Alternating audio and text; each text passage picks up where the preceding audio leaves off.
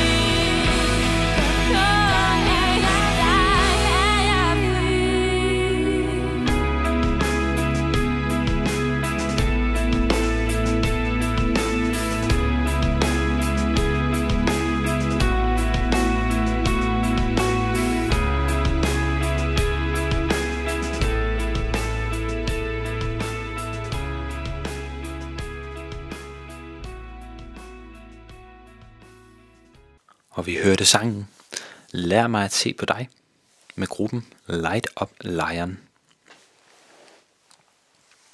Vi er i dag nået til salme 42. Vi skal kigge på et vers, som bliver gentaget to gange i salmen, nemlig vers 6 og vers 12, som er det samme vers. Så jeg inviterer dig til også at læse resten af salmen i dag, for det vil jeg ikke øh, læse op, men det kan du altid læse her bagefter. Men altså, salme 42, vers 6 og 12. Hvorfor er du fortvivlet, min sjæl? Hvorfor skælver du i mig? Vent på Gud, for jeg skal takke ham på ny, min frelser og min Gud. Nogle gange er det ikke helt nemt at være kristen. Det kan der være mange forskellige årsager til, og kommer til udtryk i forskellige situationer. For eksempel kan Gud og troen, Gud og troen på ham i perioder vi ikke så fjern og, og distanceret. Det kan føre til tvivl. Tvivl er også en størrelse med mange ansigter. Tvivl på Gud som Gud. Tvivl på Gud som almægtig. Tvivl på, om Gud overhovedet findes. Og det kan føles som sådan en, en klam skygge, ligesom lagt ned over dit sind og hjerte. Og hvorfor nu det? Nu havde du nu måske lige fundet det faste fundament, og nu ser det ud til at gynge noget så voldsomt under dig. Måske tænker du tilbage, hvor Gud bare føles så tæt på, og hvor var det godt. Måske du var til en, en lovsangsaften, og du blev overvældet af sangen til Gud og priste ham af fuld hals. Fuldstændig glad i hans nærvær. Men nu kan du ikke genkalde de samme følelser. Måske tænker du tilbage til dengang du fik et konkret bøndesvar, som virkelig var et tydeligt bevis på Guds kærlighed til dig. Men nu virker det som et minde, og du har jo oplevet, hvordan de bønder, du sidder med i dag, bare ikke bliver besvaret. Det er virkelig svært med følelserne. For måske ved vi godt, at vores tro og liv med Gud ikke er baseret på følelser, ligesom kærlighed mellem mennesker ikke når langt, hvis den ene og alene er baseret på følelsernes magt. Men det er virkelig stærkt, men det er virkelig svært med svingningerne, for de føles så ægte. De blusser virkelig op under tvivlen. Det er vigtigt, at vi ved, at forhold til Gud ikke er baseret på følelser. Men lige så vigtigt er det at anerkende, at, netop, at det netop kan føles sådan. Det må, det må vi ikke skubbe ned. Gud kan godt tåle at høre på vores tvivl. Men okay, måske er problemet ikke inde fra mig selv. Måske er det noget udefra, der presser vores fundament. Salme 42 gentager verset, vi læste to gange. Men spørgsmålet er de her fjender, som David har, eller som Korasønder, som har skrevet salmen, har, øh, bliver rejst, også rejst to gange. Og det er spørgsmålet, hvor er din Gud? Guds fjernhed kan også blive provokeret udefra. Det er ikke så tit, vi direkte bliver konfronteret i Danmark, men gang på gang stiller kulturen, vi lever i, dette spørgsmål. Hvor er din Gud? Jeg kan ikke se ham. Kan du? Spørgsmålet kan også blive provokeret ud fra alt for det forfærdelige, der sker i verden. Vi har nu været vidne til en frygtelig krig i Ukraine siden slutningen af februar. Det kan være for mange et naturligt spørgsmål at rejse til den, der tror på en kærlig Gud, når de ser det her. Hvor er din Gud?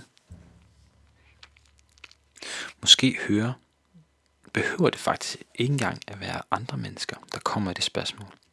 Satans Guds modstander vil med glæde gerne plante det spørgsmål, når vi ser alt det, der er galt. Så hvor, hvor ender vi med alt det her? Salmen peger på tålmodighed.